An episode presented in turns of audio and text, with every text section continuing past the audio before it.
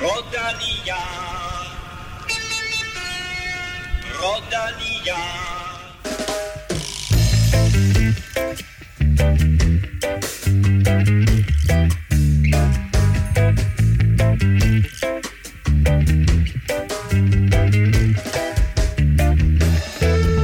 Årets Flandern rundt blev for anden gang på tre år med Mathieu van der Poel øverst på skamlen, men den helt store historie var Tadej Pogacars evne til ikke at ende på podiet.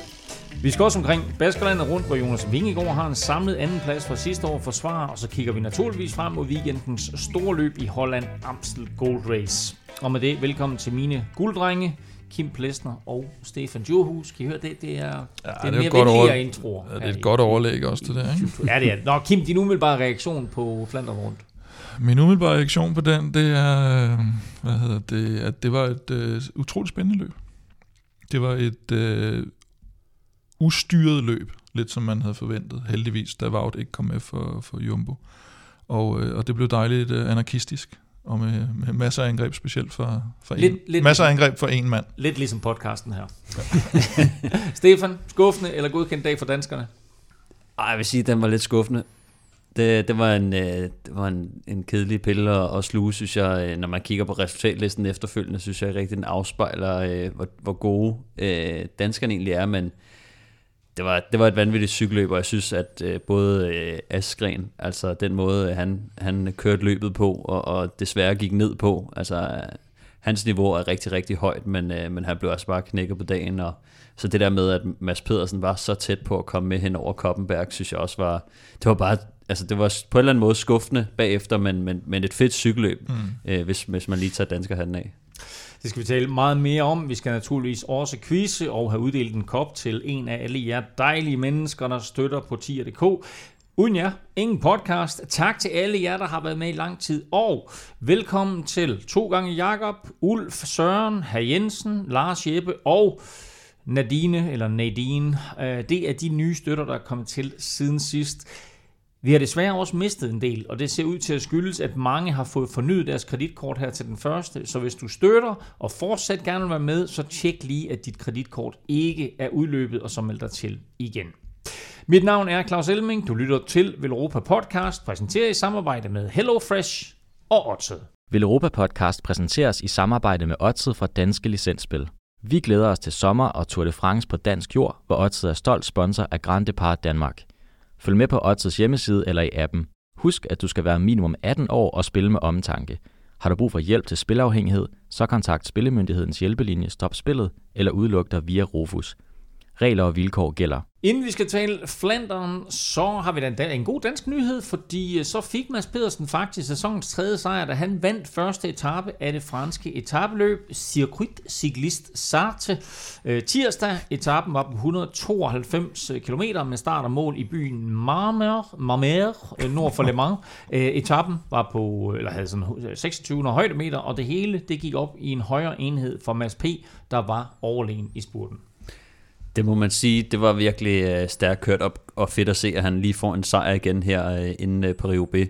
Øh, det her franske øh, etabeløb er det sidste forberedelse, han skal lave, øh, så, så efterfølgende så har han kun en enkelt træningsblok, og så skal han øh, slappe af frem mod øh, Paris-Roubaix. Så jeg synes, det var, det var fedt at se ham være så stærk på, på, på den etape, øh, hvor at, øh, han kommer i udbrud og kommer op til sin, øh, til sin holdkammerat Alexander Kamp, der var et, i et, et andet udbrud mm. ude foran. Så det bliver ligesom samlet og sidder med øh, Benoit Cosnefra, der sad to Ineos-ryttere, Philippe Ogana og Luke Plap. Øh, og der var, der var faktisk meget fedt at se det makkerpar, Alexander Kamp og, og Mads Pedersen, hvor at Alexander Kamp var med til at, at lukke en del angreb ned i finalen. Øh, man kunne så også godt se, at øh, det så ud som om, han krampede lidt i baglåret, for han blev ved med at, sådan at strække ud hele tiden til sidst. Men øh, de sidste tre kilometer, dem, dem får øh, Mads P. sådan lidt alene, og øh, det havde han sådan rimelig meget styr på. Så selvom han lige kom med et øh, lille angreb, og øh, blev nødt til at hente en lige, lige inden spurten, så, øh, så, så, øh, så vandt han rimelig overlegent. Ja, det var også det, som du siger, øh, øh, sige, niveauet var måske ikke det allerhøjeste i lige præcis det løb i forhold til nogle andre løb, der køres i øjeblikket. Mm. Men det at få den sejr og den sådan lidt oprejsning for, for Flandern, som jo ikke var dårlig, men, men i forhold til Masses ambitioner var den jo måske, han kunne nok godt have tænkt sig lige at, mm. at sidde med til det sidste. Så netop øh, Paris-Roubaix, det er bare det der store hovedmål, vi har talt om hele tiden, så, så fedt at få sådan en... Øh, en, en lidt af træning, træningssejr, eller hvad skal man kalde den for, ikke? Fordi, når Mads, ja, ja. Mads er på så højt niveau i forhold til dem, vi nævner her, at, at der vinder han næsten hver gang, han kommer med sådan ja, nogle hjem. Ja, han vinder foran Kostnofra, som mm. trods alt også er, er okay, men, men ja. når man ser den generelle startliste, så, så er det ikke stjernespækket øh, cykelløb. Mm. I hvert fald super dejligt, øh, at ja, altså Mads P. han tog jo mere eller mindre en flyver mandag, øh, kørte jo det der øh, ja. lille belgiske løb, vi skal tale om lige om lidt, to en flyver mandag, og øh, Tour de Frankrig, tager til Frankrig, bum, stiller op, vinder. Øh, første gang han kørte løb efter Flandern, så rigtig, rigtig fedt for Mads, og, og endnu en god forberedelse til øh, Paris-Roubaix, som han naturligvis ser frem til her om uh, små 14 dage. Med etappesejren, der tog han både løbets føretrøje og pointtrøje, og jeg er ret sikker på, at han forsvarede i hvert fald øh, føretrøjen, fordi han blev nummer to på dagens etape, som blev vundet af, af Olaf Kois, som vi har talt en del om. Mm. Øhm, og der er ikke en opdateret stilling endnu, men i og med, at Kois han ikke blev øh, kom i top 3 i går, så vil jeg tro, at Mads han, øh, han bevarer føretrøjen. Ikke mere om det lige nu. Nu skal vi til gengæld til noget, der er endnu vigtigere at vinde, nemlig... Quizzen. Øhm, og øh, efter at du jo i sidste uge, Kim, på en eller anden måde fik tiltusket dig to point, så er stillingen Ej, det jo nu... Jeg, det var fandme unfair. altså. Så er stillingen jo nu 5-5. Det blev jo et bemærket på Twitter, jeg ved ikke, om I så det. Men, øh, nej, nej, nej, det, jeg, nå, nej, det blev bemærket, at øh, den gode Dennis Ritter jo... Nå ja, det er det helt vores quiz i ja, dækningen ja, ja. af Flandern rundt, godt nok tidligt på dagen, men... Øh, jeg synes, det var fedt, at Rolf ikke øh, selv kunne huske, han, han, han var blevet øh, to gange på podiet efter 1990. Han ville gerne sige mig selv, men det tror jeg ikke er rigtigt. Nej. anyway, det står 5-5, og lidt senere så skal vi tale Amstel Gold Race, og øh, der skal vi også tale danskere, fordi jeg vil nemlig gerne vide, hvor mange danskere, der har været på podiet igennem tiden i Amstel Gold Race. Så bare et antal. Så bare et antal. Okay. Og det er mig, der øh, Stefan, først. du har serveretten, så du får lov til at svare først lidt senere. Er spørgsmålet forstået? Får jeg lov til at vælge, eller får jeg lov til at svare først? Du må vælge. Ja, tak. Godt. Ja. Åh, laver du sådan frækker? Okay. Det er sådan en over under børg. Er spørgsmålet forstået? ja. ja. Så har jeg kun én ting til jer to, og dig, der sidder lidt med. Lad nu være med at google. Madouas is ijzersterk. Van de Poel moet hem op gang zien te krijgen. Madouas is ernaast, maar Van de Poel zit er nu voor. Trekt hem door. Dylan van Baarle gaat het podium bereiken. Pogacar niet. Pogacar boos. Van der Poel wint voor de tweede keer. De Ronde van Vlaanderen. Twee Dylan van Baarle. Drie Madouas. Vier Pogacar. De Hvis vi tager de røde-hvide briller af, så blev årets udgave af Flandern rundt faktisk ganske forrygende. To af tidens største cykelsensationer kæmpede et episk battle, der endte med sejr til den ene, og det er en fjerde plads til den anden. Øh, lad os lige starte med vinderen, Mathieu van der Poel. Øh, nu vinder han for anden gang på tre år, og selvom han er presset undervejs, så lykkes det ham altså at hive en sejr i land her. Mm. Ja, han er presset, altså han går jo, som jeg husker det, går han faktisk ikke engang med der første gang øh, Pogacar rykker, hvilket han jo normalt er kendt for. Og så det her moment, der kommer sidste gang på Paterberg, hvor han nærmest kører ud i grøften i højre side op, op mod toppen, øh, Van der Poel. Og, og man tænker, nu har han sat ham. Altså, for han får hullet, og så på en eller anden måde, så... Altså, jeg ved ikke, hvad fanden det lignede, den der måde, han sådan rev i cyklen for at mm. komme tilbage på hjul. Det så sådan helt vanvittigt ud, altså som om han øh, ophævede tyngdeloven nærmest. og så på en eller anden måde kommer han tilbage på hjul der. Og det var sådan lidt øh, det moment, tror jeg, han skulle have knækket ham i, øh, og, og så, så kunne han måske have holdt Pogacar ligger foran ved at knække Van der Poel. Det ja. ser ud som om, der er et lille hul, og så laver han det der, som du siger. Ja, det var... ja, der var et hul, han, han søger bare ud på, på kan man sige, kant, den flade kantsten derude, ja. ikke? som jo, altså den er jo ikke mere end 5 øh, cm. Og det er jo et typisk Men, et øh, tegn på, at, at, at, at man er ved at være lidt stegt, når man, når man ja, søger det. det. Altså, jeg, har ikke, jeg har ikke set nogen molestrere en cykel siden, dengang jeg kørte ud på Ballerup Superarena sammen med dig, Elming, der, der vi var på TV2 Sport. Det så, det så cirka lige sådan ud, men det var så bare hele tiden, når man kørte ja, rundt. Ja. Sidste år, der uh, tabte Van der Poel jo som bekendt en lang spurt til Kasper Askren, men for to år siden, der vandt han jo faktisk en tilsvarende spurt, øh, sådan en tilsvarende langsom spurt, hvis man kan kalde det det, over Wout van Aert. Har han fundet formen, Van der Poel, til at vinde de her spurter?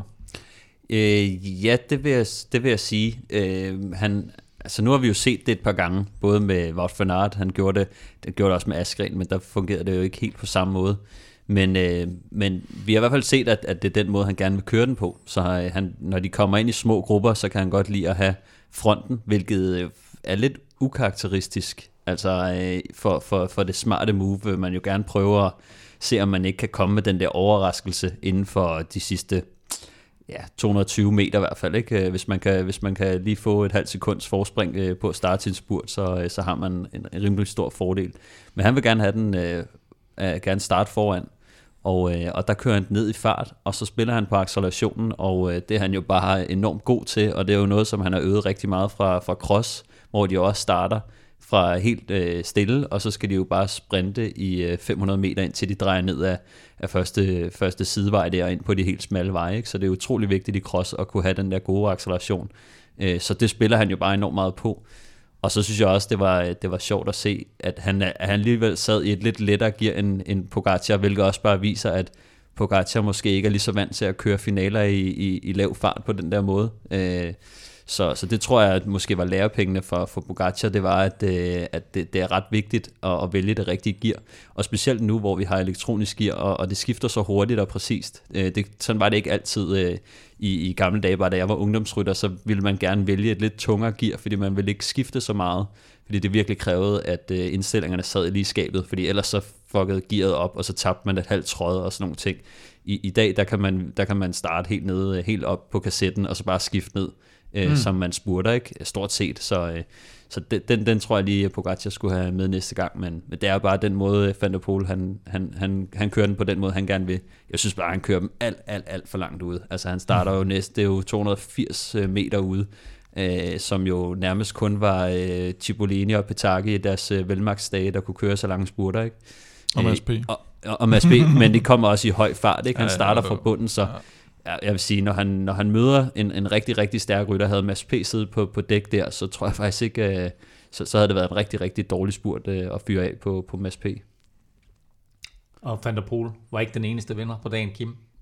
Nå, nej, jeg vandt også lidt. Nej, øh, det, hvad hedder det, jeg havde spillet Madouar både som vinder i top 3, og, og havde ham også, som jeg sagde sidste uge, som sådan en luring i, i mine stjerner der som de siger op i Norge, og, og, og jeg har afskrevet det fuldstændig. Han sidder med Van Barle og tænker, fedt, der, så bliver han fire, ikke? Det skal lige passe. Og så fra, at jeg sidder og tænker det, nærmest med en kilometer, og så lige pludselig, så går han nærmest forbi, inde ved banden, og man tænker, nu, nu kan han jo vinde. Altså, nu, nu, hvad fanden faktisk, sker der? Jeg sad faktisk og tænkte din overgang. Hvad fanden sker ja. der? Og så havde jeg faktisk, for at det ikke skulle være løgn, så havde jeg spillet, øh, fordi jeg tænker, nu tager vi bare, så kunne man spille sådan noget head-to-head Van Barle mod Madouar. Og så jeg sidder og spiller tungt på Van Barle, og så vinder Van Barle jo over Madouar, fordi de bliver 2 og 3, og Madouar kommer i top 3 så får jeg lige pludselig hele jackpotten hjem der. Ja, det er altså, helt vanvittigt det... på 30 sekunder. det er... Når man kender pengepræmierne i professionel cykling, så har du nok vundet flere. Jeg har vundet mere, mere end sådan en skiltespurt. øh, lad, os lige, lad os lige komme til ham Pogacar der, fordi øh, altså selv øh, Van der Poel indrømmede jo, at Pogacar var den stærkeste på dagen, men alligevel så får sloveneren formøblet både sejr og podieplads. Hvad skete der lige der, Stefan? Ja, altså, jeg synes, han var ekstremt øh, uheldig, fordi at Øhm, der, det er lidt svært. Han kan ikke gøre så meget i den der situation, som, som jeg ser det i hvert fald. Altså, når de kører ind på de sidste 300 meter, øh, altså jeg vil, jeg vil sige, at han kunne selvfølgelig have gjort meget ude på ruten. Altså, der kunne være meget, man kunne have gjort anderledes, og, og alle rytter sidder jo og fortryder øh, 35 ting hver, ikke? Øh, men når de sidder til sidst inden for de sidste 500 meter, og Van der Poel har, har fronten, der skal han jo bare håbe på, at Van der Poel kører en, en lidt for lang spurt, øh, og han så kan komme snigende til sidst. Og det er jo det, det ser ud til at, at kommer til at ske. Men, øh, men altså, det er så bare uheldigt, at de to andre lige når at komme op. Og Jamen, altså, jeg, jeg forstår ikke det der med, at de får lov til at komme op. Vi, vi, vi snakker så tit om, at uha, de, de kører for langsomt op foran, og de andre der, der ligger bagved, mm. øh, de kommer op, og det sker aldrig. Men her, der sker det. Mm. Altså, der kommer de op, og, og da de to kommer op, der kører Van der Poel og Pogacar altså ret langsomt. Og det er ja. måske også derfor, vi sidder og tænker, hold kæft, du vinder, hvad du har. Ja, ikke, Fordi de kommer med højere fart. Så jeg tænker, hvordan, hvordan, altså, er det ikke en kæmpe taktisk brøler, af de to forreste? Det, jo, altså jeg vil sige, jeg tror også grunden til, at Van der Poel måske starter den så tidligt, det er fordi han tænker, at de skal ikke komme med fuld knald, og, og de kører så langsomt. Så jeg tror, han bliver nødt til at starte den tidligt, men på den anden side, Van der Poel, han ved godt, at han kan godt vinde over de her to indspurt også. Det gør ikke noget, hvis de kommer op. Altså i princippet, hvis han har stadig okay ben, det er jo rytter, som er blevet sat fra dem tidligere, skal vi også lige huske. Altså, det er jo ikke folk, som er, de er jo mega stærke, men de er allerede mm. blevet sat Ja. Så nu får de bare lov at komme tilbage. Så Van de Poel, han ved jo godt, altså, Pogacar er måske den største trussel i spurten stadig. Mm. Altså, øh, det, det ville han jo under normale omstændigheder have været, og den måde, han Ja, havde det er kørt det på. der momentum, Men- de kommer med, fordi de, Ja. altså, man Ja. skal altid, de skal jo forbi med det samme, hvis de skal forbi. Men for lige at, altså med, med Pogacar, at de to kommer op på hver sin, de, de to mand, mm. det er meget sjældent, at man kører rundt på hver sin side. Oftest, hvis man har, stadig har noget at tænke med, mm. så tænker man, hvis der er lidt mere vind fra den ene eller den anden side, så vælger man en side der, hvor du kan få mest læ, og så kører man forbi der.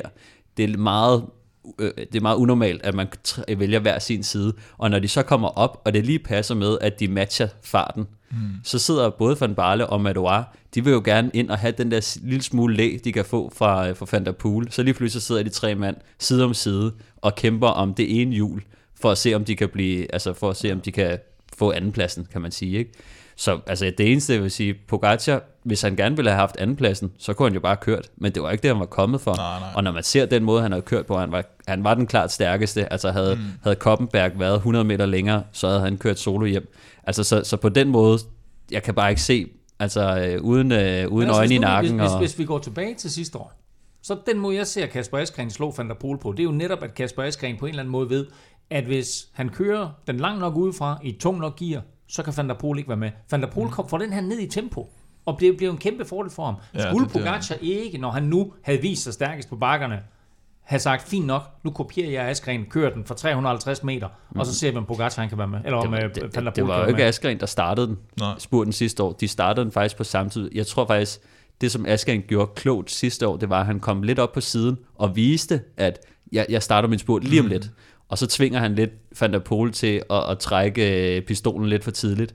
Øh, Og så kan han gå forbi til sidst. sådan så, at, Plus at de havde heller ikke rigtig det samme lige bagefter. Altså de havde ikke det pres med, at de rent faktisk også skal sidde og tænke, Ja. ja. hvad hvis vi går helt, altså hvad er det vi er ved at lave her? Ja, og, hvem, og hvem har mest is i maven? Og så er de bare begge to helt ja. vildt meget is i maven, eller for meget is i maven. ja, det vil sige, Og så altså, kommer de op jo. Men jeg synes, det var, det var vildt med, med Pogacar. Altså, jeg synes, det var, det var mega uheldigt, og det er ikke noget, som man kan... Altså, jeg, jeg sendte også ud på, på Twitter, og der var mange, der, der skrev, at øh, Arm, så skulle han bare starte den tidligere, og mm. han skulle have kørt ud på midten. Og, men altså, i den situation, når man skal prøve at, at vinde en, øh, en mand mod mand spurt, så sidder man i dækket, altså øh, indtil at øh, måske 180 meter, altså i sådan et her cykelløb, der kører man sjældent mm. rigtig, rigtig lange spurter. Øh, men, men Van der Poel var bare så stærk, at øh, der var ikke noget at gøre. Mm. Altså, så, så, og man så også bagefter Pogacar, hvor, hvor, hvor sur han blev, ikke? Altså, mm. og faktisk, han, han, er jo, altså, han er også over, og, og hvad hedder det, De er er ved- hvert fald bare kom over for at sige undskyld, eller at sige et eller andet.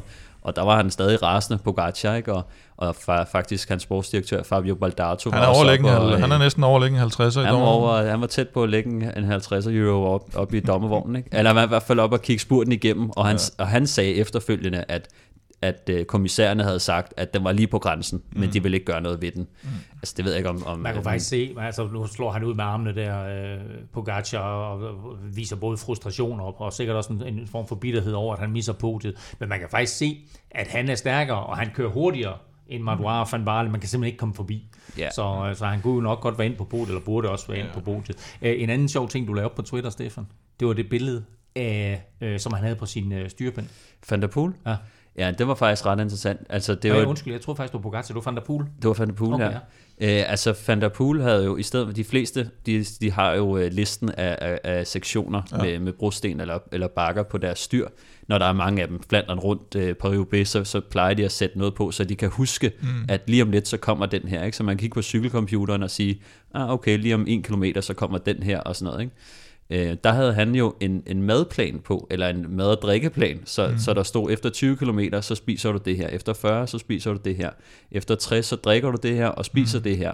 Øh, og sådan blev det jo ved. Øh, og det synes jeg bare var ret interessant, fordi vi har set ham gå kold i de lange cykelløb. Øh, da Mads P. vandt mm. VM i Yorkshire, mm. der blev han jo sat i Ja, finalen. en helt, ja. øh, Kasper Askren, der, der slog ham, og det er jo alt sammen, øh, det er jo alt sammen noget, hvor at han har manglet den der energi, mm. øh, og vi ved, hvor hurtigt han kan brænde energi af på de der vanvittige ting, han, han laver på en cykel. Så jeg synes bare, det var interessant, at det var faktisk ikke så vigtigt for ham, hvornår de forskellige bakker kom.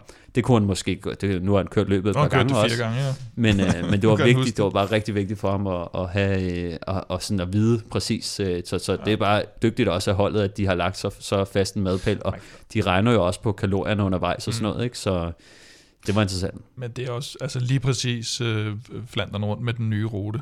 finalen er jo, har jo været den samme nu i 10 år, tror jeg det er. Mm. Så, så det der med, at øh, det bliver Kvartemont, Paterberg, Koppenberg, Teinberg, og så om igen, det, det ved man godt lidt. De kommer jo nærmest lige efter hinanden, så der er ikke, Ja, det vil er ikke sige- så nødvendigt med den der øh, ruteplan, kan man sige. Det andet virker sgu meget mere... For jeg sad også og så, hvad hedder han, øh, min lille gode ven Madouar der. Han misser en flaske på et tidspunkt i finalen, hvor jeg også tænker, fuck mand. jeg sidder jo bare her på Ja. farm, ikke? Og så, øh, og så ser man nemlig, at han, hver gang de kommer rundt i sving der, så kigger han sådan, om der er nogle seniors og sådan noget, ikke? Ja. Så hvis du, altså, du virker, det er jo 272,5 plus øh, neutral zone, ikke? Ja. Så det er, det, det Det er altså fordi, han har enormt. deltaget fire gange, Mathieu van der Poel. Ja. Han er blevet 4, 1, 2, 1. Ja. Mm. Det Og er- der, hvor han blev fire, Det er det, han styrter i fik- der styrter han jo, øh, der styrter han jo inden øh, Kvartemund på Ja. et tidspunkt, hvor øh, Lasse Norman, Norman kommer øh, prøver at hjælpe ham med, eller Ja, faktisk vi hjælper var ham nede- tilbage i Vi finalen. var nede og se det, Ja, netop. Og øh, vi ser ham så komme op. Vi står op på Kvartemund der, og så ser man bare, at han kommer op. Jagten efter feltet, og da man havde set det styrt ned, så tænkte man, altså han udgår. Ja, ja. Det, det kommer han ikke op efter igen, det der. Og så kommer han bare jagtende, og han er langt bagefter første gang. Det var de det jo Petiol vandt, ikke? Ja, og så bliver han fire. Ja. Det er altså sindssygt, han får kørt sig op til en Jeg vil så lige, må lige sige en sidste ting omkring hele Van der Poel. Øh, det var meget ukarakteristisk defensivt kørt af ham, Ja. øh, når vi ser, øh, har set, hvor, hvor- hvordan han har kørt anderledes. Jeg ved ikke, om det er, fordi han er blevet klogere, også i forhold til det her med madplanen, synes jeg også mm. virker som en lidt anderledes approach, eller i hvert fald, at de begynder at lære nogle ting. Hvordan skal ja. de lige justere ham ind? Det kan også godt være bare den der respekt over for Pogacar, og, og da han kørte, at han tænkte, okay, jeg skal ikke spille med musklerne i dag, Præcis. så bliver jeg sat. Men øh, jeg synes i hvert fald, det viste en, en, en noget anderledes øh, Van der Poel. Ja, præcis. og, og, og øh, både det, øh, og, og det der med madplanen, du beskriver, altså det er vel også et spørgsmål om, at både han og holdet har accepteret nu, at hey, øh, alle de kræfter, han har, og lige så god han er, mm. der skal stadigvæk tænkes, og der skal ja. Ja. stadigvæk laves noget forberedelse for, at han vinder. Og nu vinder han på han den her fået- måde her, ikke? Han har jo fået de der rap over nallerne, som uh, Stefan siger, til VM i Yorkshire var det vildeste jo. Altså, mm. hvor man tænker, at der er noget galt med cyklen eller eller andet. Altså, der gik han bare æskekold. med motoren. Ja, og så øh, og kørende også lidt, da, da, da Mads P. vinder, mm. hvor han starter det der helt vanvittige angreb ud for at gå død de sidste, hvad det, Med 20 km eller sådan tror noget. jeg, han kører afsted. Ja. Altså han har, han har prøvet de der, og vi, og vi elsker ham jo for det der med at dø med skoene ja, på, men han har nok også tænkt, okay, jeg må nok også lige dosere den lidt, ikke? Det er bare sjovt, fordi han sagde jo dengang også, at han havde lyst til at vinde på spektakulær vis, Ja, ja. og han fortrød intet, og så sidder man og tænker, okay, han kommer aldrig til at lære noget. Men jeg synes der alligevel, der var øh, en, en lidt klogere Og det er, jo stadig, og det er jo ikke sådan, vi sidder og synes, det er uspektakulært, det han har Nej, lavet. nej, nej, bestemt ikke. En anden, der bestemt ikke var uspektakulær, det var Tadej Pogacar, som mm. på mange måder tegnede det her løb, indtil han så taber i, i finalen. Øh, Mads P. er afsted med en stor gruppe, som faktisk får et minut, lidt overraskende, og så sætter UAE sig frem, lægger pres på, og så kort før de gruppen, eller øh, hele feltet rammer Kvarmund anden gang, der henter Pogacar den forreste gruppe. Og så laver han noget af det vildeste, jeg nogensinde har set. Han kører zigzag op imellem den her gruppe for fuld smadre. Ja, det var, det var helt vanvittigt. Altså, jeg, altså, det viser bare, hvor, hvor stærkt han kørte, og det var faktisk også der, man kan se, Askren er den eneste, der følger dæk på ham. Øh, og øh, Askren ender jo med at være fuldstændig Mm. øh, balleret efter den der. Altså, der er ingenting at komme efter. Han, han skar, skar, altså man kunne se i ansigtet på ham, han var færdig efter Ja. ja. den. Han kom så faktisk aldrig efter den. Og det var også sjovt at se, at Van der Poel faktisk sad igen. Altså, han Præcis. sad ret langt tilbage på det tidspunkt, og gik ikke efter. Selvom han nok havde kræfterne til det, så viste han, han, så havde han is i maven der. For et år eller to siden, der var det ham, der havde gjort ligesom Askren. Ja, og i hvert fald han, han panikkede ikke på Nej. Kvartemont heller. Og det synes jeg også var sådan interessant, fordi at han, var jo ikke, altså han har jo ikke nogen hjælperytter tilbage heller. Det er Mm. ikke sådan, at han kan sætte sig ned og tænke, jeg venter lige på mine to stærke hjælpere, som nok skal køre mig tilbage i, i, i løbet. Men, men, men det han formentlig, eller nu gætter vi jo selvfølgelig på, hvad han kan og tænke der. Han kan jo også have været, været lidt kold i starten, og så har han fået kørt sig op senere. Men han, han tænker vel formentlig også det her med, at der er ret mange favoritter med endnu. Mm. Altså det er ikke sådan, at de sad tre mand, og så bliver han sat for de to andre. Øh, fordi den måde, Asger han kører væk på, var, nem, var næsten sådan, okay, jeg skal med her, ellers så taber jeg løbet. Ja, ja. Hvor han mere sidder, okay, der er stadigvæk ham der, ham der, ham der, ham der. Altså vi, det fikser vi det her, ikke? Mm. Øh, så, så det var klogt kørt. Vi kommer tilbage til, at da Mads han bliver smidt, øh, men jeg er nødt til lige at vende det her med, at, mm. At, at Mads han, øh, han går i udbrud øh, sammen med sin holdkammerat Alex mm. Kirsch. øhm, altså, bruger han for mange kræfter på det, øh, at set i bagklogskabens klare lys? Var, var det så klogt, eller var det uklogt af Mads? Jamen, altså det var jo sindssygt tæt på at være helt genialt. Mm. Altså det er jo, det er jo, han mangler jo lige de her han mangler en halv tændstik, eller sådan noget, da han, da han bliver sat, og hvor det kun er, er Madouar, der kommer med op over der. Øh, og, og, og der synes jeg, at det er på det er den der gang på Kvartemont, som du siger, hvor, øh, hvor øh, hvad hedder han, Pogacar lige pludselig bare kører zigzag og går amok. Mm. Hvis for fanden det bare havde flasket sig sådan timingsmæssigt, at han lige havde ventet med at ramme massgruppen, eller ikke havde hentet dem på, på Kvartemont den der gang, så de stadigvæk havde været den der gruppe foran. Fordi da han så kommer op efter sin solokørsel der, der er han nødt til så at vente på nogle andre, for han kan jo ikke bare hente hele den her gruppe med Mads, hvis de kommer ud på, på noget flad vej osv. Og, så havde Mads lige haft en halv tændstik mere. Måske endda halvanden, fordi Mads går jo også efter Pogacar, da ham og Askren kommer op, fordi det er han nødt til på det tidspunkt. Men, øh, og, og det er jo helt tilfældigt, det lige flasker sig sådan, fordi det er ikke Pogacar, der styrer hvor, på hvad tid, eller i hvilket tidsforspring Mads-gruppen har, da de kommer hen til Kvartemont. Det er nogle hjælperytteres arbejde, der afgør det. Og det var faktisk en, en, en vild detalje, fordi at det her kub, det havde lykkes, hvis ikke Pogacar havde været til start. Fordi at da de kører væk på Bellendries mm. stigningen, som jo ikke er det sådan vigtigste moment, altså det er mm. en, en hård nok stigning sådan, øh, men ja. det, der er ikke brosten på, og, og, og sådan, og den er ikke sådan vildt stejl heller, men mm. Der kan man jo se faktisk, Quickstep sidder med to mand, Trek sidder med to mand, de blokerer vejen, og de får hullet. Ja. Og da de så kommer ud efter Bellendry-stigningen, så, er det, så sidder der en UAE-mand, der skal op og føre, ja. og det er helt af panik, og Trentin bliver nødt til at komme op og angriber ja, på, at springe op på og sådan noget, ja. og sådan noget. Det var, sådan, det var fuld panik, men ja. det er UAE, Øh, der kommer også andre, Total Energies øh, mm. kommer også op og hjælp lidt, og der var nogle andre hjælp, men det var UAE, der virkelig trykkede på panikknappen, fordi at at øh, de skulle have Van der Poel øh, frem til finalen igen. Fordi alle andre hold, de havde faktisk nogen med op. Mm. Øh, selv Alpecin øh, Phoenix, de havde øh, Gianni Vermeers derop, ja. øh, som godt nok sad på dæk, fordi at han, øh, de havde øh, et vigtigt kort ned bagved, kan man sige. Ja. Men, men øh, det, var, det var et kup, der var meget tæt på at lykkes. Så nej, det var ikke dumt, og det var tæt på at være ja. helt genialt, fordi øh, ligesom med Askren, han, han kunne ikke have fulgt med i de accelerationer, som den eneste, der kunne følge med i det, det var Van der Poel øh, da han kører det her zigzag-kørsel der, der er der faktisk et vildt syn, fordi det er Pogacar i fuld firespring, og så med to danskere på hjul, mm. og to danskere, som jeg tror hele verden betragter som nogle af de store favoritter i løbet. Det skal mm. jo siges, at Søren Krav jo havde et lidt sjovt flanderen rundt. Først så var han ikke tilmeldt, ja. så var han tilmeldt, og der glædede vi os alle sammen, ja, ja. og så endte han med alligevel ikke at være tilmeldt og, og udgik, eller stille slet ikke til start med, med, med sygdom. Men Pogacar op ja. af øh, Kvarmont med Mads P. og Askren. Ja, det var, lidt, det var lidt ligesom i, øh, da vi, vi snakkede om i sidste uge med, med, med Kemmelberg, i, i mm. hvad hedder det? Oh, men det min, min, min, Nå jo, men er, hvor, der, hvor der så ligger, dem der ligger efter, ja. øh, hvad hedder det, uh, Vaut, det er så på det tidspunkt uh, Askren, Mads P. og Søren Krav. Mm. Og det er også fedt. Og det var også, altså som sagt, Mads P. kunne ikke gøre andet, fordi han bliver hentet på det tidspunkt af Pogacar. Askren taber sit løb der, formentlig, ikke? fordi mm. han simpelthen... Uh, han, han overspiller sit kort, og han, han tænker jo selvfølgelig, så forsvarende mester, og sidste år gjorde det samme med Van der Poel. Jeg har læst for ham der, den finske der på Twitter, øh, Amit Purali, jeg kan ikke huske, hvad han hedder, som plejer at have ret godt styr på de her tider. Og der mener jeg simpelthen, at Askren kørte 20 sekunder hurtigere op af Kvartemont anden gang, end han gjorde sidste år. Fordi han er nødt til at følge med Pogacar. Fordi han beslutter at følge med Ja, fordi han beslutter at følge med på, på Pogacar der, ikke? Og, og det er jo der, han knækker. Altså han knækker helt fuldstændig, altså som du siger, man kan se det på ham. Da de kommer over på Paterberg, han, er, han ligner en kat. Ja, man kan øh, helt skilleret derovre. Ja, fuldstændig.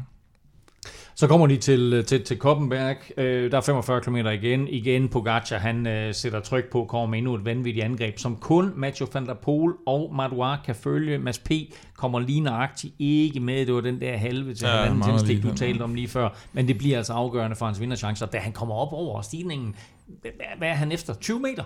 og sådan ikke? Men han, han jo, ser dem aldrig igen. Nej, nej, han, be, altså, han kommer til at ligge imellem der, og så kigger han i stedet for tilbage mod, øh, jeg tror det er Van Barle, der ligger lige bag ved ham, ikke? Mm. Øh, og det, det er jo, altså, det, du kan ikke, altså, det er, jo, det er jo noget nemmere at falde tilbage til ham, der ligger bag, og så prøve at danne en alliance med ham, ikke, og se, om, om de kan lave det umuligt der, men, øh, men der, er, der er toget kørt. I hvert fald i, for, i det tidspunkt der.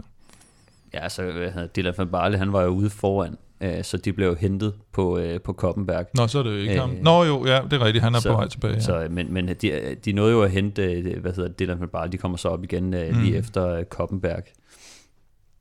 Og så havde vi den her situation med Askren, som jeg lige vil hive fat i også. Øh, man kan se, at han er smadret øh, mm. efter Kvarmont der, og så på Koppenmark, der bliver han sat. Øh, og så får han hjælp med defekt på toppen, mm. øh, og står og hiver lidt i sin kæde, og vi har talt meget om det her, mm. øh, eller i hvert fald talt en del om det her med, med 12 speed, at der er et eller andet galt, og det ikke fungerer helt optimalt. Der kommer altså ikke mindre end fire quickstep-rytter forbi der, og ingen af dem stopper op. Hvad sker det der? ser, det, ser, det ser helt vanvittigt ud. Altså, du har den forsvarende mester, der står med tvæ- og de kigger over på ham, ser man Ja, ja, ja. i, i slow. Øh, man må næsten håbe for dem, at øh, i hvert fald i forhold til evalueringen i bussen bagefter, at de har fået en melding fra Askren, efter netop, at han bliver fuldstændig smadret af, af hvad hedder det, Pogacar på, på kvartemon. Han er allerede der på Paterberg siger til dem, guys, jeg er færdig.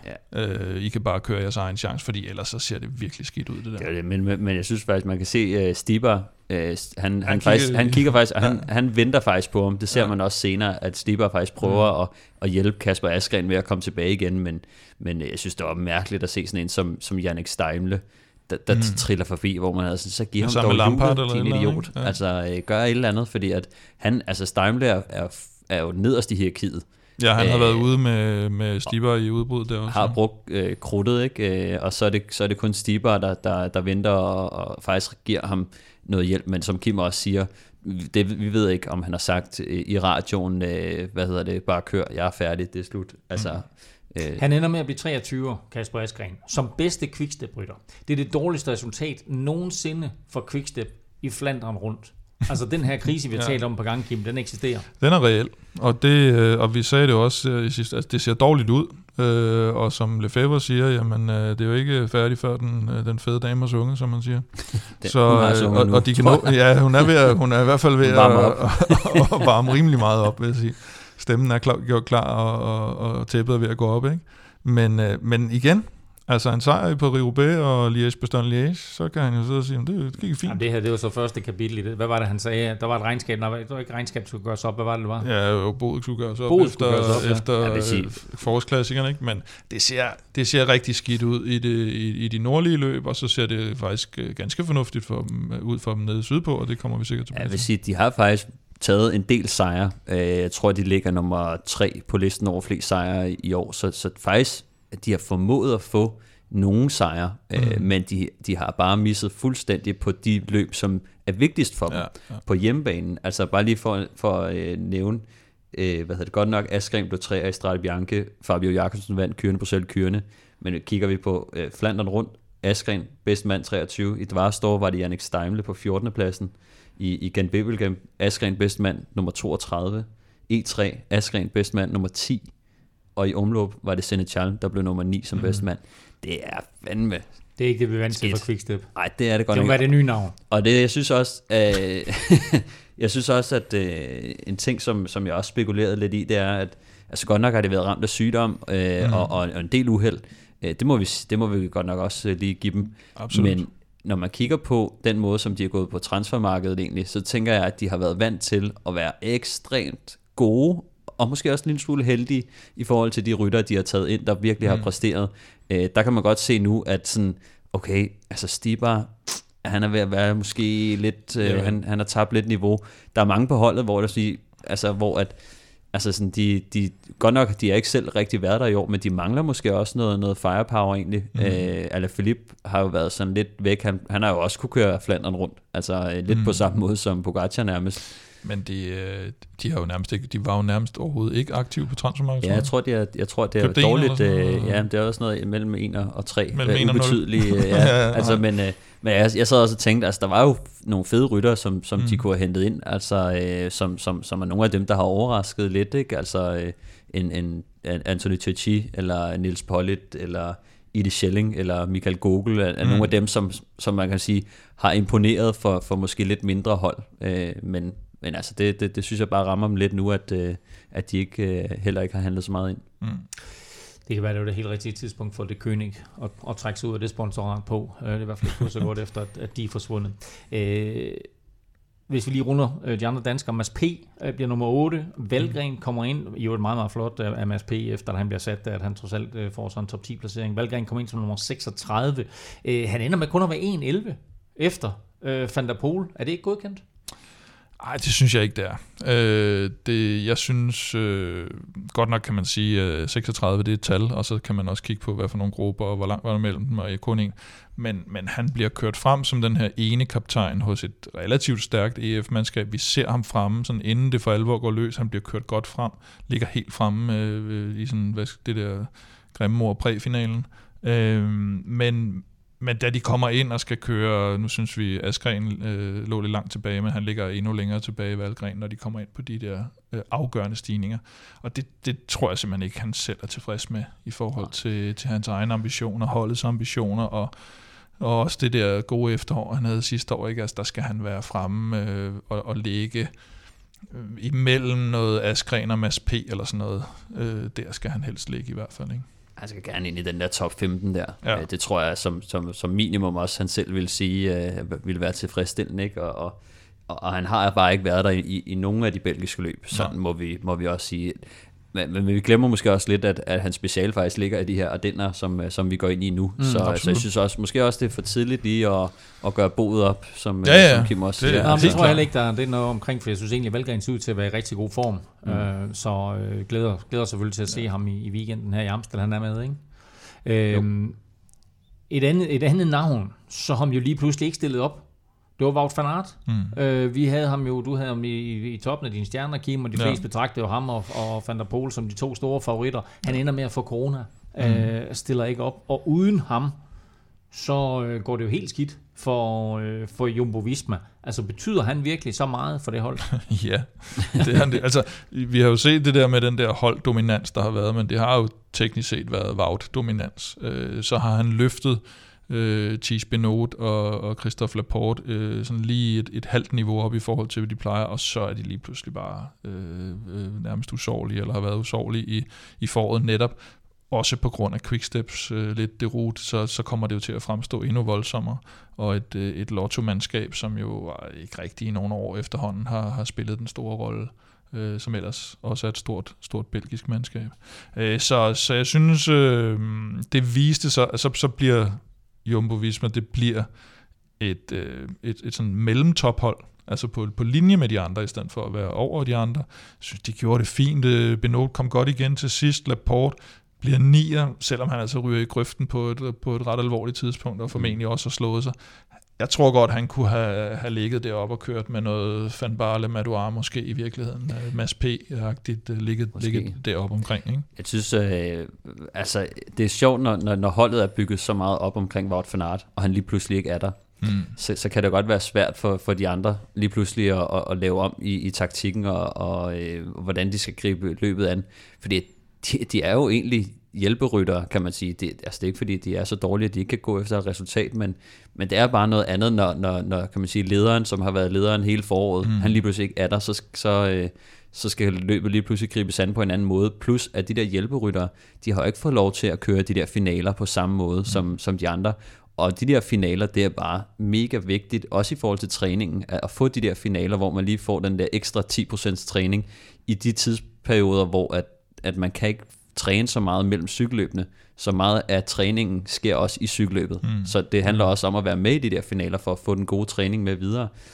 Og så synes jeg også bare, at noget, som jeg læste i The Secret Pro faktisk, det var også, hvor dårlig stemning der er omkring Jumbo-holdet. Øh, Blandt andet sådan en som Tish Benot, som vi øh, tænker sådan, om han er da en fin fyr, og hvem kan have ham og sådan noget, men, øh, men der bliver altså snakket lidt, fordi at øh, de sidder så og, og råber og skriger og skaber sig lidt øh, i forhold til de andre rytter, og de, de sidder jo og tænker, hvad fanden vil du? Altså det er jo ikke dig, der er kaptajnen og sådan noget, ikke? Mm. Så, så det bliver nok også lidt sværere for dem at lave resultater, når Wout ikke er der, fordi at, øh, at alle elsker vinderen, og Wout van Aert øh, er jo helt fænomenal. Øh, alle elsker ham. Men når han så ikke er der, og alle de der øh, brokkehoveder, øh, de så skal lige pludselig møve sig frem øh, i de bedste positioner og diktere, hvad de andre skal gøre, så, så kommer der altså lidt mere modvind til, til dem.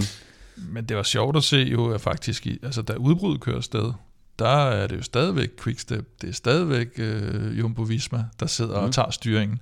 Selvom man kan sige, er ude, det vil sige, de behøvede måske i virkeligheden ikke at tage, den, øh, tage det ansvar. Quickstep kunne også bare sige, ja okay, de har den forsvarende mester, men det forår, vi har haft, der behøver vi jo heller ikke, altså sådan nogen mm. som Ineos var jo ikke op at tage noget ansvar, Nej. selvom de på papiret næsten havde det bredere og stærkere hold.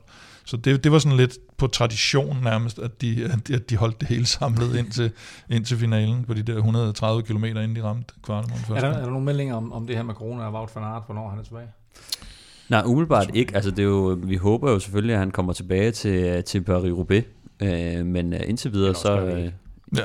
Nå, men altså, det er jo, øh, det, håber det, det er også meget forskelligt, hvordan, nu kan man sige, nu er, nu er det blevet lidt ud med, med, med corona, men øh, man skal jo trods alt lige clears. Ja. Så øh, vi, vi regner der med, og jeg tror også, de selv regner med, men øh, det, de har ikke selv været ude og, og melde særlig meget om, om Wout. Jeg så dog, at, at, at han selv har været ude og kommentere lidt på Twitter, og, og der blev lagt billeder op, så det er ikke fordi, han er sådan fuldstændig øh, ved at dø derhjemme. Vi glæder os til, til at se ham igen i mellemtiden. Der kan vi bare konstatere, at Mathieu van der Poel vandt sin anden Flandern rundt. Dylan van der Barle blev to med Valentin, eller Valentin Madouard på tredjepladsen. Mads P. bliver 8. Askren 23, Valgren 36, Mathias Norsgaard gennemførte også, mens William Blumen Levi udgik i sin debut, i øvrigt sammen med mere eller mindre hele Uno X-holdet. Aftensmad. Stressende indkøb i ulvetimen. Ingen tid til et hjemmelavet måltid. Med Hello Fresh er oplevelsen anderledes. Du får enkle opskrifter og lækre retter, som hele middagsbordet elsker. Skræddersy din måltidskasse på hellofresh.dk for friskende enkelt. Mathieu van der Poel havde helt styr på provianteringen i Flandern i søndags, og det kan du også få, for vi er nemlig glade for, at Hello Fresh har valgt at fortsætte som partner her på Velropa Podcast. Og det har de selvfølgelig, fordi rigtig mange af jer har bakket op om Hello Fresh og deres supertilbud. Hello Fresh er måltidskasser med sund og varieret kost, masser af muligheder, og du kan prøve fire uger nu med en rabat på 725 kroner. Gå ind på hellofresh.dk og brug koden VELROPA22. Kim, jeg har planlagt en mad til os i aften. Jamen, det bliver ikke med mig. Jeg Nå, skal videre. Hvad sker der? Jeg skal jo i byen jo, som, som sædvanligt. Jeg kommer så meget ud. Ja, det gør du. Uh. Det gør du. Men øh, jeg vil så til gengæld sige, at i weekenden, der var Emil hjemme, og der lavede vi, øh, der lavede vi laksesandwich. Okay, ja, det er... Det var, øh, det var, De sgu, det var sgu en lækker. Jeg tog Ja. ja. den til frokost i stedet for. Ikke? Øh, Jeg var sådan lidt med brødet der, da det kom sådan, det er sgu da godt nok noget tørt brød. Så det der med, at det sådan skal ligesom færdigbages i ovnen. Ja. Ja. Så, så var det sgu faktisk meget dejligt. Jeg tænkte, ja, det der, det, Jeg har men, fået øh, den den der. er lækker. Ja, den, er lækker. Den er rigtig god. Øh, I sidste uge, der talte vi om et par forskellige opskrifter, jeg havde klar til, og der, der valgte du den fra, der hed Reje Risotto. Ja, Det er noget af det bedste, jeg har fået overhovedet fra dem. Nå. Det var helt det rigtigt? fantastisk. Ja. Den er jeg faktisk også undgået lidt, må jeg indrømme. Den er sindssygt god, Ja, ja, okay. så den skal du prøve. I aften, Stefan, der har jeg planlagt til os øh, cremet basilikumkylling ja det, med ovenbagte kartofler og fyldig tranebærsalat. Okay. Så øh, hvis du bliver Fyldig. hængende, så kan der og mig, så kan vi øh, lave en lille romantisk Ja. middag for to der. jeg har lige fået en meddelelse om, at min kasse er leveret, som man siger. Sådan. Jeg får min om mandagen, du får så din om onsdagen, det kan man selv øh, bestemme. Alle ingredienser kommer i afmålte portioner. Ingen spild, super nemt at rydde op, det sætter jeg kæmpe pris på. Øh, har du lyst til at prøve Hello Fresh, så gør det nu. Brug koden VELROPA22, så får du altså hele 725 kroner i rabat på din første måned. Du kan godt finde det her tilbud andre steder, men bruger du koden VELROPA22, så støtter du podcasten her, og det betyder altså, at Hello Fresh fortsat er med os. Og så må du meget gerne dele koden med venner og bekendte. Gå ind på hellofresh.dk og brug koden VELROPA22.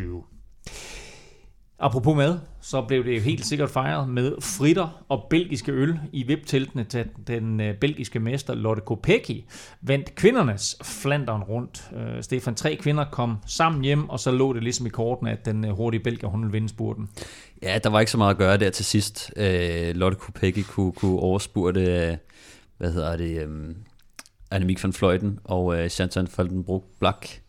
Øh, Som er hendes holdkammerat. som er, som er øh, holdkammerat til, til Lotte Kopecky. Men jeg synes, den, den overordnede historie, det var, hvordan øh, SD Works holdet, øh, de, øh, de, de fik ligesom genvundet øh, kontrollen og, og udspillet deres kort øh, helt rigtigt og sat bare Annemiek van Fløjten virkelig meget under pres. Øh, de havde øh, to, øh, to kvinder i, i udbrud tidligere, øh, blandt andet den stærke Marlen Reusser, øh, som er en, er en kanonstærk øh, enkeltstartsrytter også.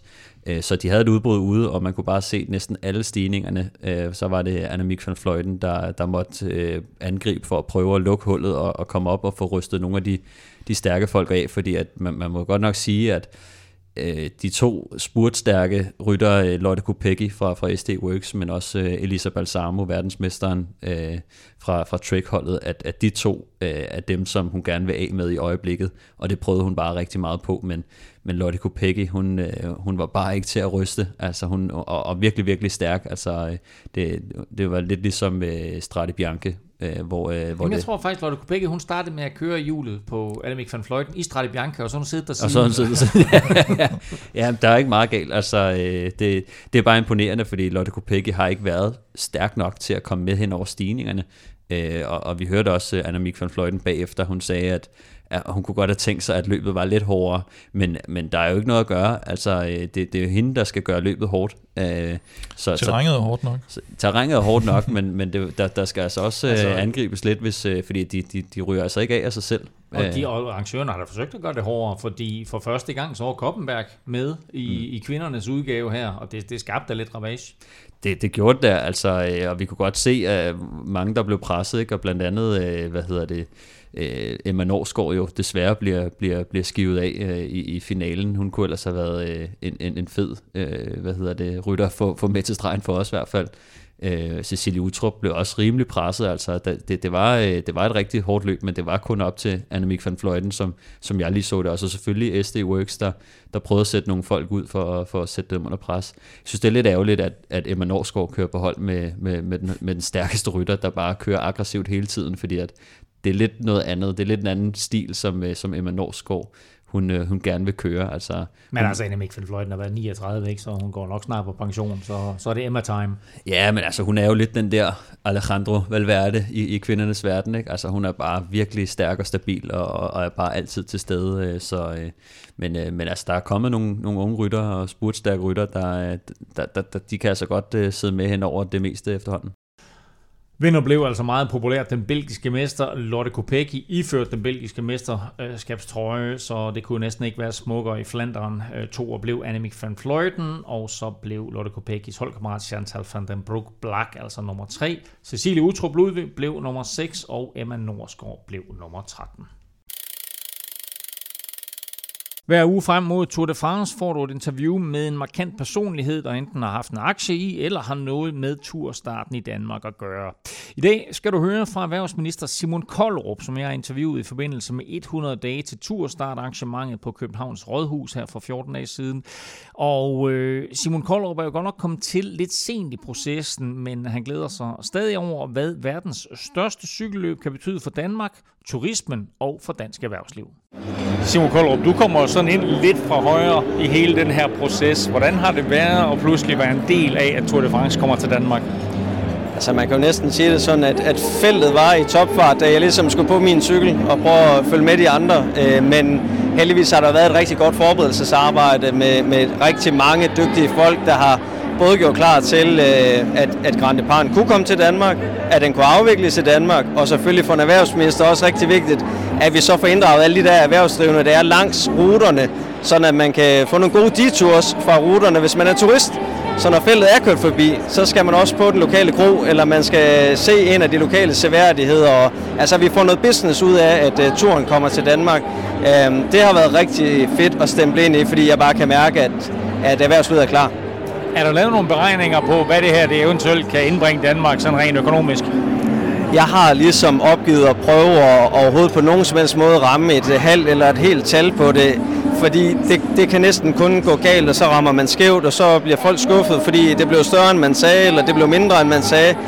Der, for mig er der ingen tvivl om, at uanset hvor mange beregninger man laver på markedsføringsværdi og direkte afledt og indirekte afledt og fanderens pumpestok med, med indtægter, så er det her stort. Altså, prøv at tænke, hvor mange millioner af mennesker, der ser Storebæltsbroen, der ser øh, brostenene i København. Det er, vil være en del af dem, der overvejer, om ikke ferien den skal gå til Danmark øh, næste gang, de skal afsted. Så øh, jeg vil ikke sætte noget tal på, men jeg tør godt sige, at det bliver stort. Det er jo kæmpe, kæmpe stort, det her.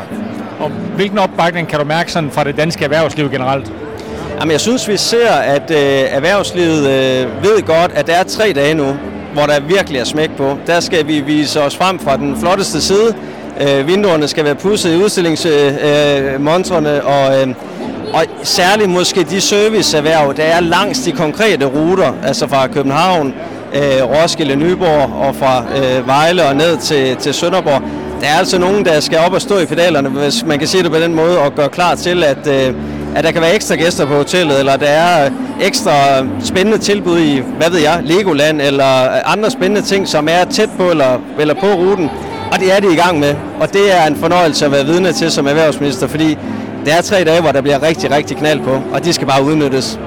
Og sådan helt personligt, hvad ser du mest frem til?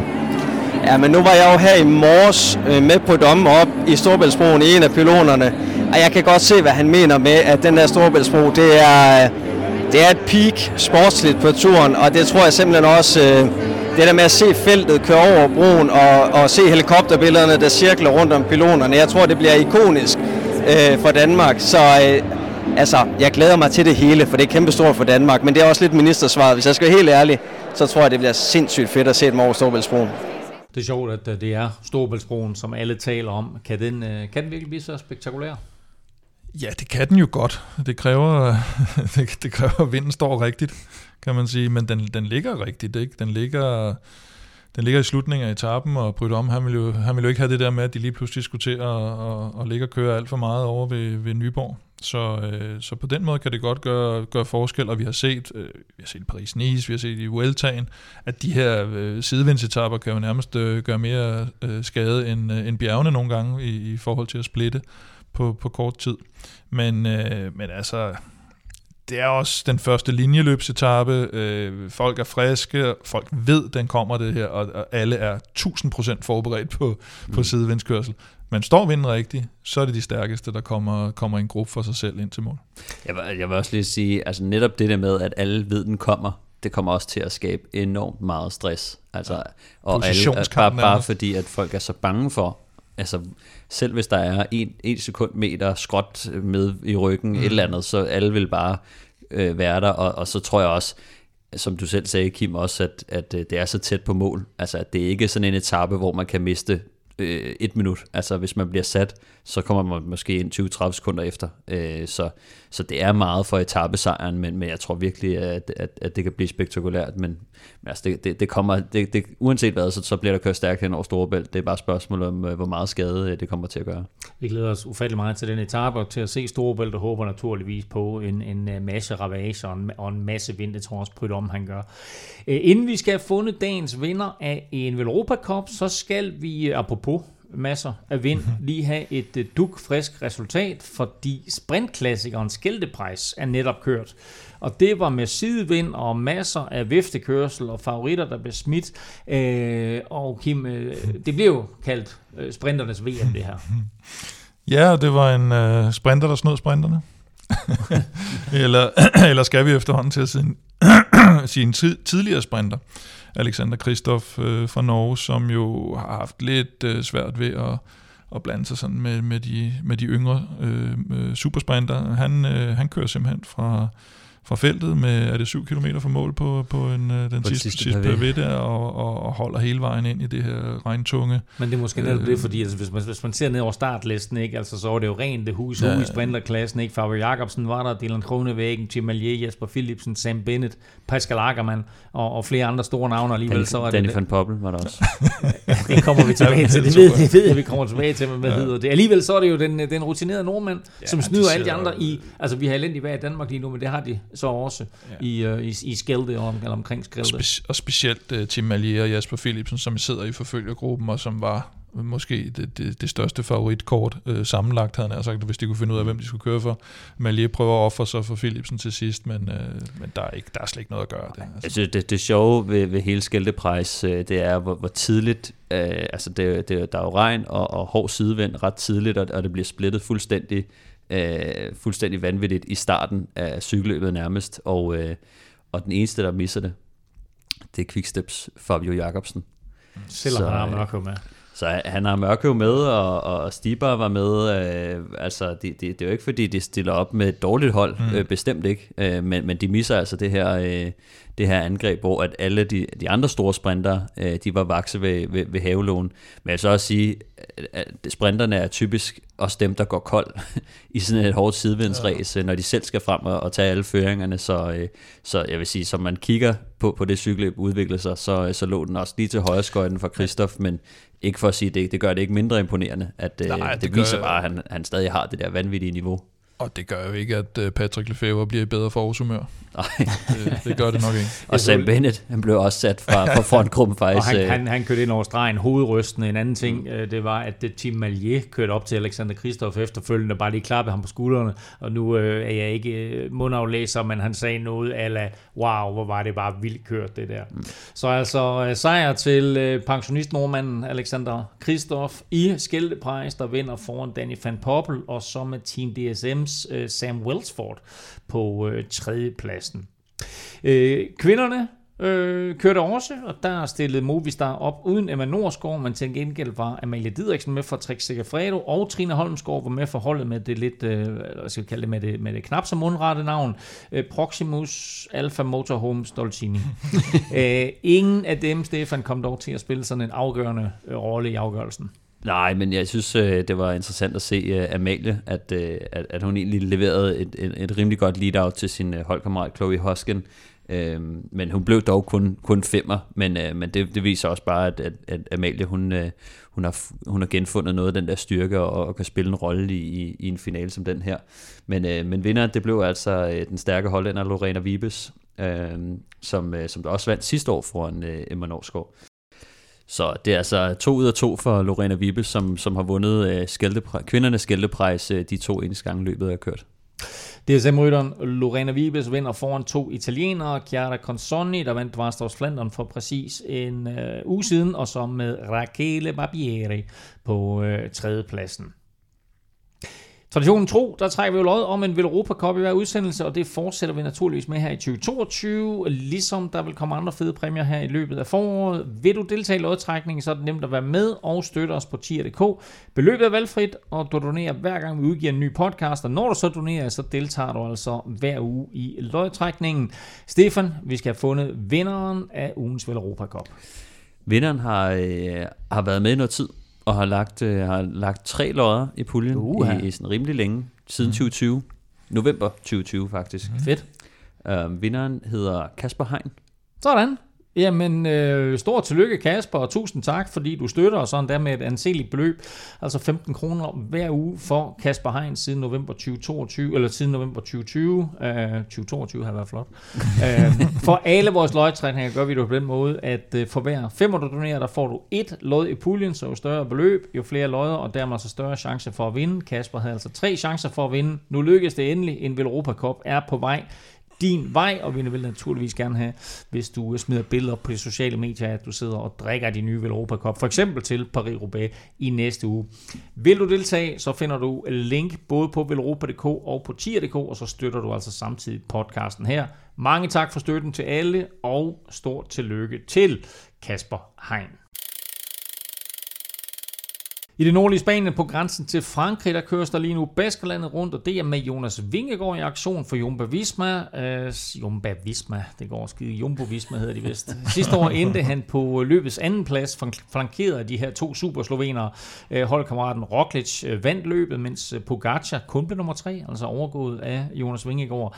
Uh, I år stiller sidstnævnte Pogacar ikke op, men det gør Roglic, og han åbnede løbet med at vinde mandagens første etape, der var en 7,5 km enkeltstart. Ja, Remco Evenepoel var den eneste, der kom sådan nogenlunde tæt på ham, og øh, det var også den duel, der lidt var set frem imod øh, på, på den indledende korte enkeltstart. Og øh, jeg så interviewet med Remco efterfølgende, han var selvfølgelig lidt skuffet nu, han var så tæt på, at, øh, at han ikke lige havde taget sejren, men, øh, men virkede også sådan rimelig fattet, og virkede faktisk som om, at han jeg har fået sådan et, et skud mental træner eller sådan noget, for det var vigtigt, eller det var nærmest vigtigt for ham selv at få talt det op til det der med, at det her, det slår mig ikke ud.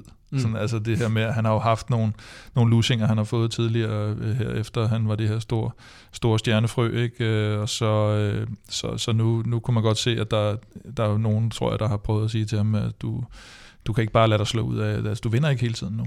Så, øh, så en, tredjeplads og en anden plads er også fint en gang imellem. Ikke? Det var sjovt, for han sagde, at Roglic øh, tog nogle flere chancer.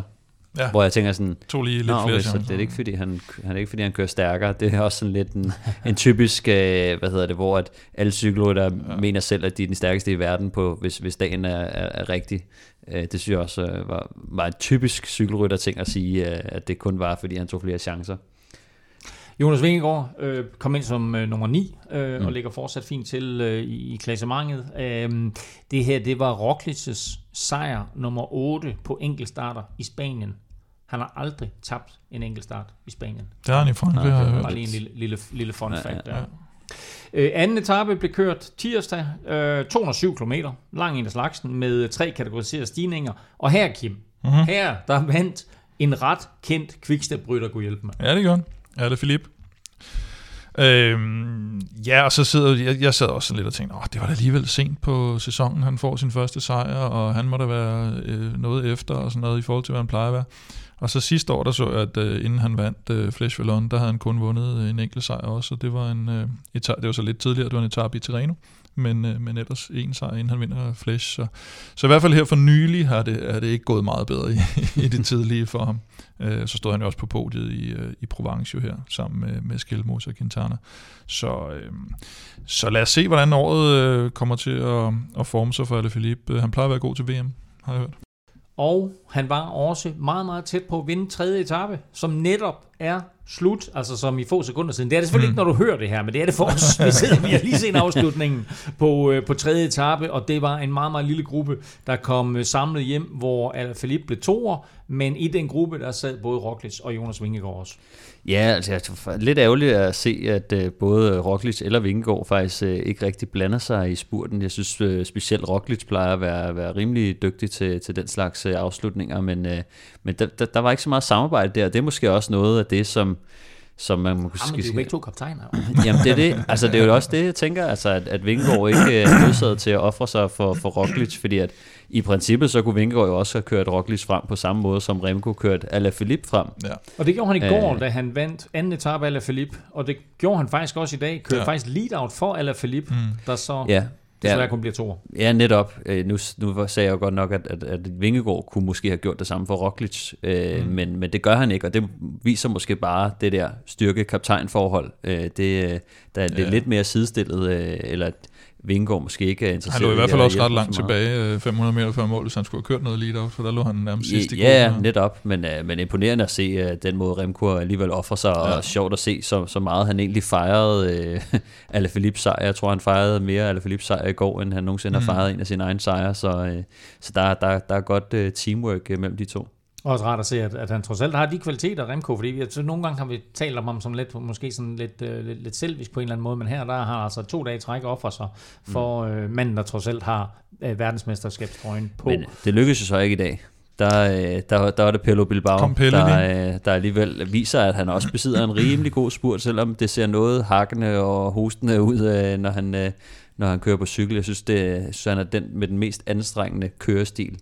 Øh, ja. Fordi det, det, han, han hakker så meget i det, men, men han har godt nok en, en god spurt, og her og overspurt eller Philip øh, på den der måde, øh, det, øh, det viser alligevel rimelig, både at, at han er godt kørende, men faktisk også lidt, synes jeg, som, som vi har snakket lidt om med Alaphilippe, at Alaphilippe måske ikke er på, på det der sædvanlige høje niveau, ja. Ja. som, øh, som han plejer. Det var en øh, flot afslutning på etappen, og som du siger, altså Pello Bilbao fra Bahrain Victorious var Victorious, Alaphilippe bliver toer, Alexander Vlasov øh, bliver treer, og så hedder den øh, jo Rik Roglic syver og Jonas Vingegaard nier. Og dermed så kommer Jonas Vingegaard faktisk op på den forløbige samlede 6. plads. Baskerne rundt føres fortsat, fortsat af Primoz Roglic. Det gør han med 5 sekunder ned til Remco Evenepoel, og så nu med Alexander Vlasov øh, på 3. pladsen 14 sekunder efter. Der resterer tre etaper i Baskerlandet rundt, der slutter på lørdag med en øh, kort, eksplosiv etape på bare 135 km, men med syv stigninger, så alt kan jo altså fortsat ske. Vil Europa Podcast præsenteres i samarbejde med Odset fra Danske Licensspil. Vi glæder os til sommer og Tour de France på dansk jord, hvor Odset er stolt sponsor af Grand Depart Danmark. Følg med på Odsets hjemmeside eller i appen. Husk, at du skal være minimum 18 år og spille med omtanke. Har du brug for hjælp til spilafhængighed, så kontakt Spillemyndighedens hjælpelinje Stop Spillet eller udluk dig via Rufus. Regler og vilkår gælder. Når der er kørt Flandern rundt, så følger Paris-Roubaix ugen efter, med mindre der er corona eller fransk præsidentvalg. Ja.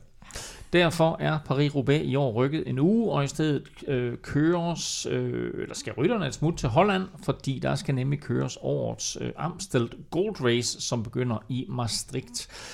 Øh, Kim, lad os lige sådan for geografiens skyld øh, se lidt på ruten. Hvor er det sådan mm. helt præcist, de kører? Ja, fordi når man tænker Holland, så er det jo øh, fladbane og kanaler og sådan noget, man normalt tænker på. Men vi har den her lille tange øh, nede i den helt sydøstligste del af Holland, øh, ned mellem øh, Belgien og Tyskland i det, der hedder Limburg-regionen. Og der er de her øh, Ardenner faktisk øh, støder nærmest op til. Det ligger lige nord for Liège. Så, så der har man noget lidt øh, sjovere cykelterræn for dem, der godt kan lide at se lidt bakker og, øh, og, og stigninger og så videre. Øh, så, så det er dernede, det ligger. Det, eller hele ruten nærmest er, er henlagt til den lille tange dernede. Løbet det er på ikke mindre end 254 km, og med ikke færre end 33 stigninger. Den sidste kommer med blot 7 km til mål. Øh, hvem er sådan de store favoritter? Ja, som øh, vi plejer at sige her om onsdagen, så er det, øh, jeg tror det er to hold eller sådan noget, der har udtaget holdet indtil videre, men, men hvad det vi kan se af startlisterne, som, som de nok kommer til at se ud til, så er det selvfølgelig Van der Poel, der er den store favorit. Øh, så synes jeg, at Michael Matthews så ret godt ud i Flandern, i forhold til, hvad, hvad han plejer der, og har, har normalt kørt godt i Amstel, blev fire sidste år, så, øh, så ham har jeg også lidt lidt Jeg synes egentlig, vi har talt en del om ham her i foråret, altså han har sådan, viser lidt mere frem, han har gjort det seneste par år, har han ikke det? Jo, jeg synes, altså, jeg synes Flandern er jo ikke et løb, der sådan umiddelbart passer helt så godt til ham. Så det, at han kørte så tilpas flot i det, det, det synes jeg lover godt for, for Amstel her. Og så Laporte selvfølgelig, hvis han lader være med at køre i grøften, har han sikkert også øh, stadigvæk noget forårsform. Øh, franskmændene Madouar og Cosnefra øh, har kørt godt her øh, i henholdsvis øh, Flandern og Sartre. Øh, Hirschi, Mark Hirschi, hvis nogen kan huske ham. Han er mm. begyndt sådan at, at røre lidt på sig, og, og det er jo også et løb her, der, der, der ligger nogenlunde fornuftigt. Hans holdkammerat øh, Ayuso øh, har vi talt om i, øh, var det sidste uge, med, mm. som han lå og var i hopla i, i Katalonien. Og så har vi Tom Dumoulin øh, på hjemmebane au, au, for ja. et øh, hollandsk hold, som bliver sekser i Limburg Classic i, i weekenden. Ikke det værste, værst besatte løb, men... Øh, det må være sådan den samme region, eller hvad? Ja, det er det, og, og, og det, det tyder jo på, at i hvert fald formen er nogenlunde. Øh, da han kørte, var det UAE tidligere på året, der kom mm. han lige direkte fra en højdetræningslejr, så, så der var han ikke helt med. Så har vi øh, Bargioli øh, for Quickstep, der vinder sidste etape i Katalonien. Ineos stiller med et rigtig stærkt hold. Øh, Pitcock, Kwiatkowski, Van Barle, øh, og faktisk også Ethan Hayter, tror jeg, står på, på den forløbige startliste. Dylan Tøns så virkelig skarp ud i Flandern, og igen ligger Amsel måske i virkeligheden øh, tættere på ham, eller bedre til ham. Øh, Mohoric derimod, synes jeg virker lidt flad. Efter, vi sagde også sidst, jeg jokede lidt med hans, med hans placering, men det kom til at, virke, kom til at passe meget godt faktisk. Så, øh, og, og, og Maximilian Schachmann, som også normalt ligger godt her, øh, har ikke kørt siden han udgik af Paris-Nice. Og så den sidste, jeg vil nævne, det er Warren Bagil, som vinder øh, Grand Prix øh, Indurain Jamen, så har du, forrige weekend. Så har du klassisk Kim-stil også nærmest. Så har jeg nævnt dem, øh, dem alle sammen. ja, så, så, er du, så er du, så ja, ja. godt dækket ind.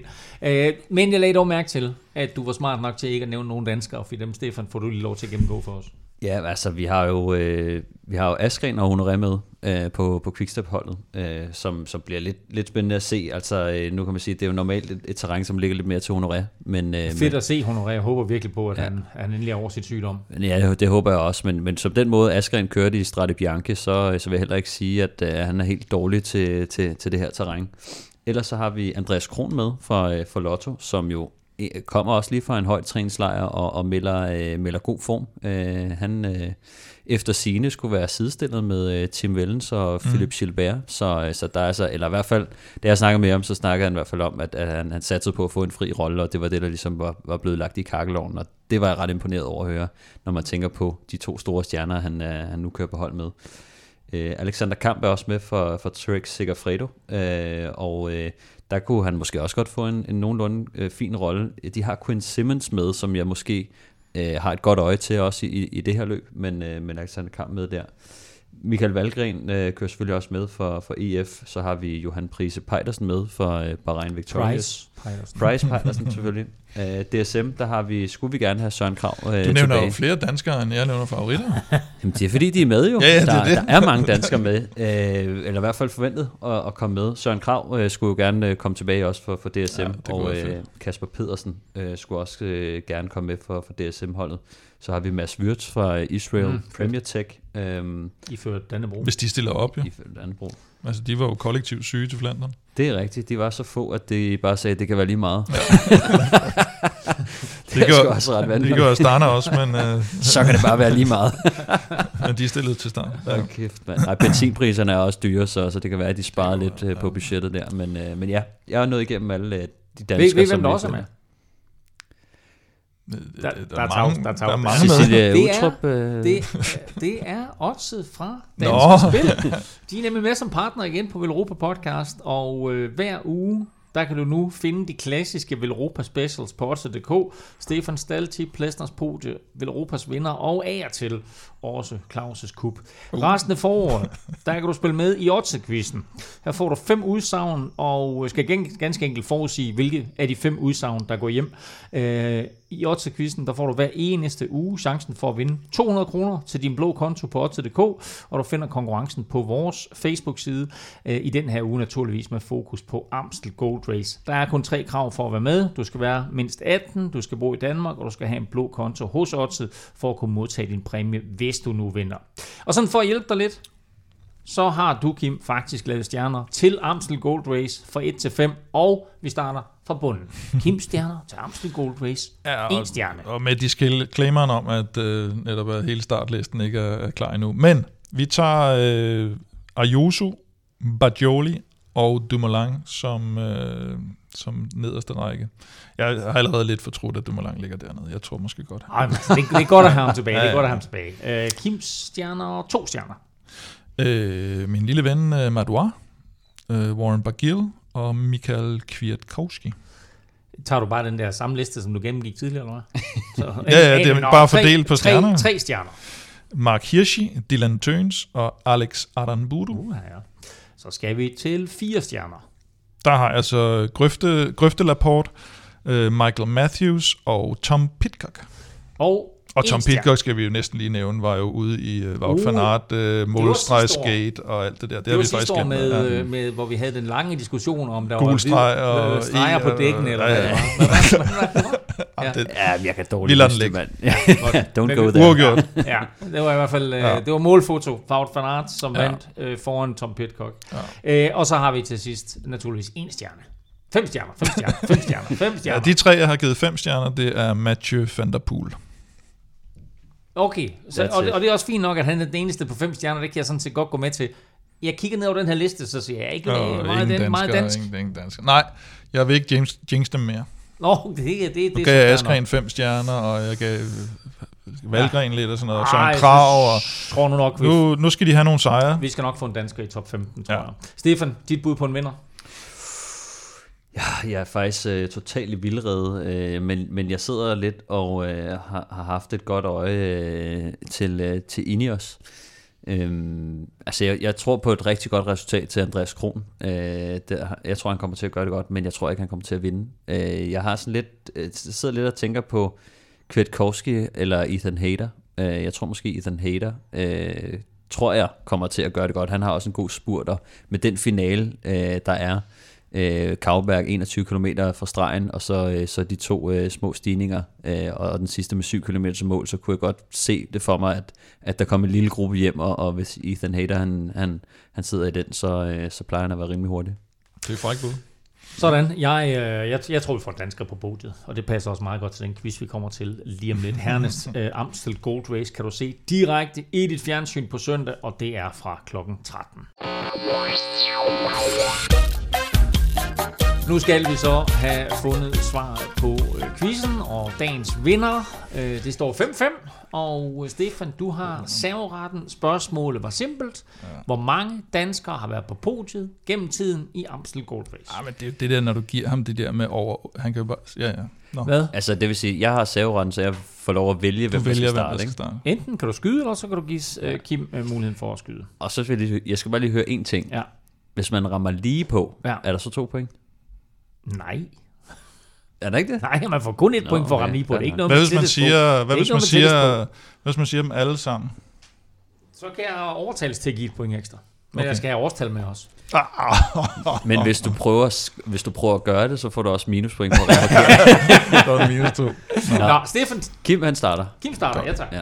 Fire. Nej, vent lidt, jeg skal lige høre først. Er det øh, antal danske personer, eller er det antal danske podieplaceringer? Antal danske podieplaceringer. Antal danske podieplaceringer, det vil sige, hvis der er en, der har to podieplaceringer, tæller det Lyt nu efter. for to. Korrekt. Nå, så er det fem, jo. Godt. Hvad siger du, Stefan? Jeg siger, det er helt off. Det er helt væk. Mm. Vi har seks. Det er jo Kim- fire, hvis det var personer, jo. Jeg vil du have lov til at gennemgå dem, Kim? Ja, det vil jeg gerne. Vi har Michael Valgren, der er blevet nummer 1 og nummer 2. Korrekt. I Så har vi 16 Bjørn, og 18. så har vi Bjørn Ries, der er blevet nummer 1. Korrekt. Og så har vi 97 Kim Andersen, der er blevet nummer 2. I 1984. Ja. Det var tre forskellige personer, og fire. Nej. Du Hvad siger mangler en. Valgren i 16. Nå, Fuglsang 3'er. Undskyld. Nå Undskyld, ja, fordi fuldstændig rigtigt. Fuglsang ja. blev nemlig træer, og det havde jeg faktisk glemt, da jeg lavede den her quiz. Så jeg var sådan, Nå, gud ja, okay. gud ja, Fuglsang blev træer. Så vi har fem, det er det fuldstændig rigtige tal, fire forskellige ryttere, men øh, fem forskellige gange har vi haft en dansker på podiet. Øh, 2019, der vandt Mathieu van der Poel. Og prøv lige at tænke tilbage på den spurt, Ja, det fordi var det var, jamen, det var den omvendte af, hvad vi så i Flandern. Ja. Ala Philippe og Fuglsang kommer alene til mål, ja.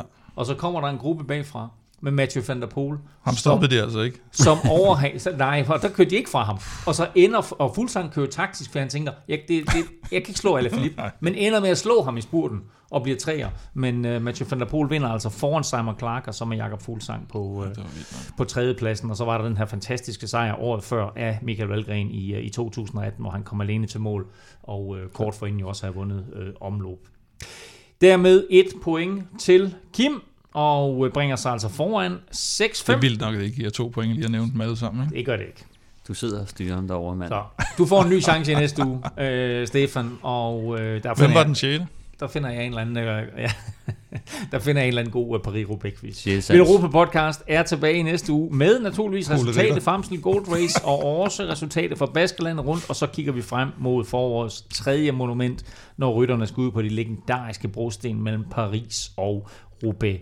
Hvis du vil vinde en Velropa Cup, så hop ind og støt os på tier.dk, og så må du meget gerne lige gå ind og give os nogle stjerner og en anmeldelse i din podcast-app. Det hjælper os nemlig til at komme ud til endnu flere cykelfans i det danske land. Indtil vi høres ved, der kan du følge Kim og Velropa på Twitter på Snablag Velropa. Stefan 2000 finder du på Snablag Stefan Djurhus. Undertegnet finder du på Twitter, Insta og Facebook på Snablag NF Elming. Tak for nu. Tak fordi du lyttede med. Tak til vores støtter på tier.dk. Uden jer, ingen vil ro på podcast. Og tak til vores partnere, HelloFresh og Orchid. Støt dem, de støtter os. Hot fordomme, ikke Holland Fitzen. thank you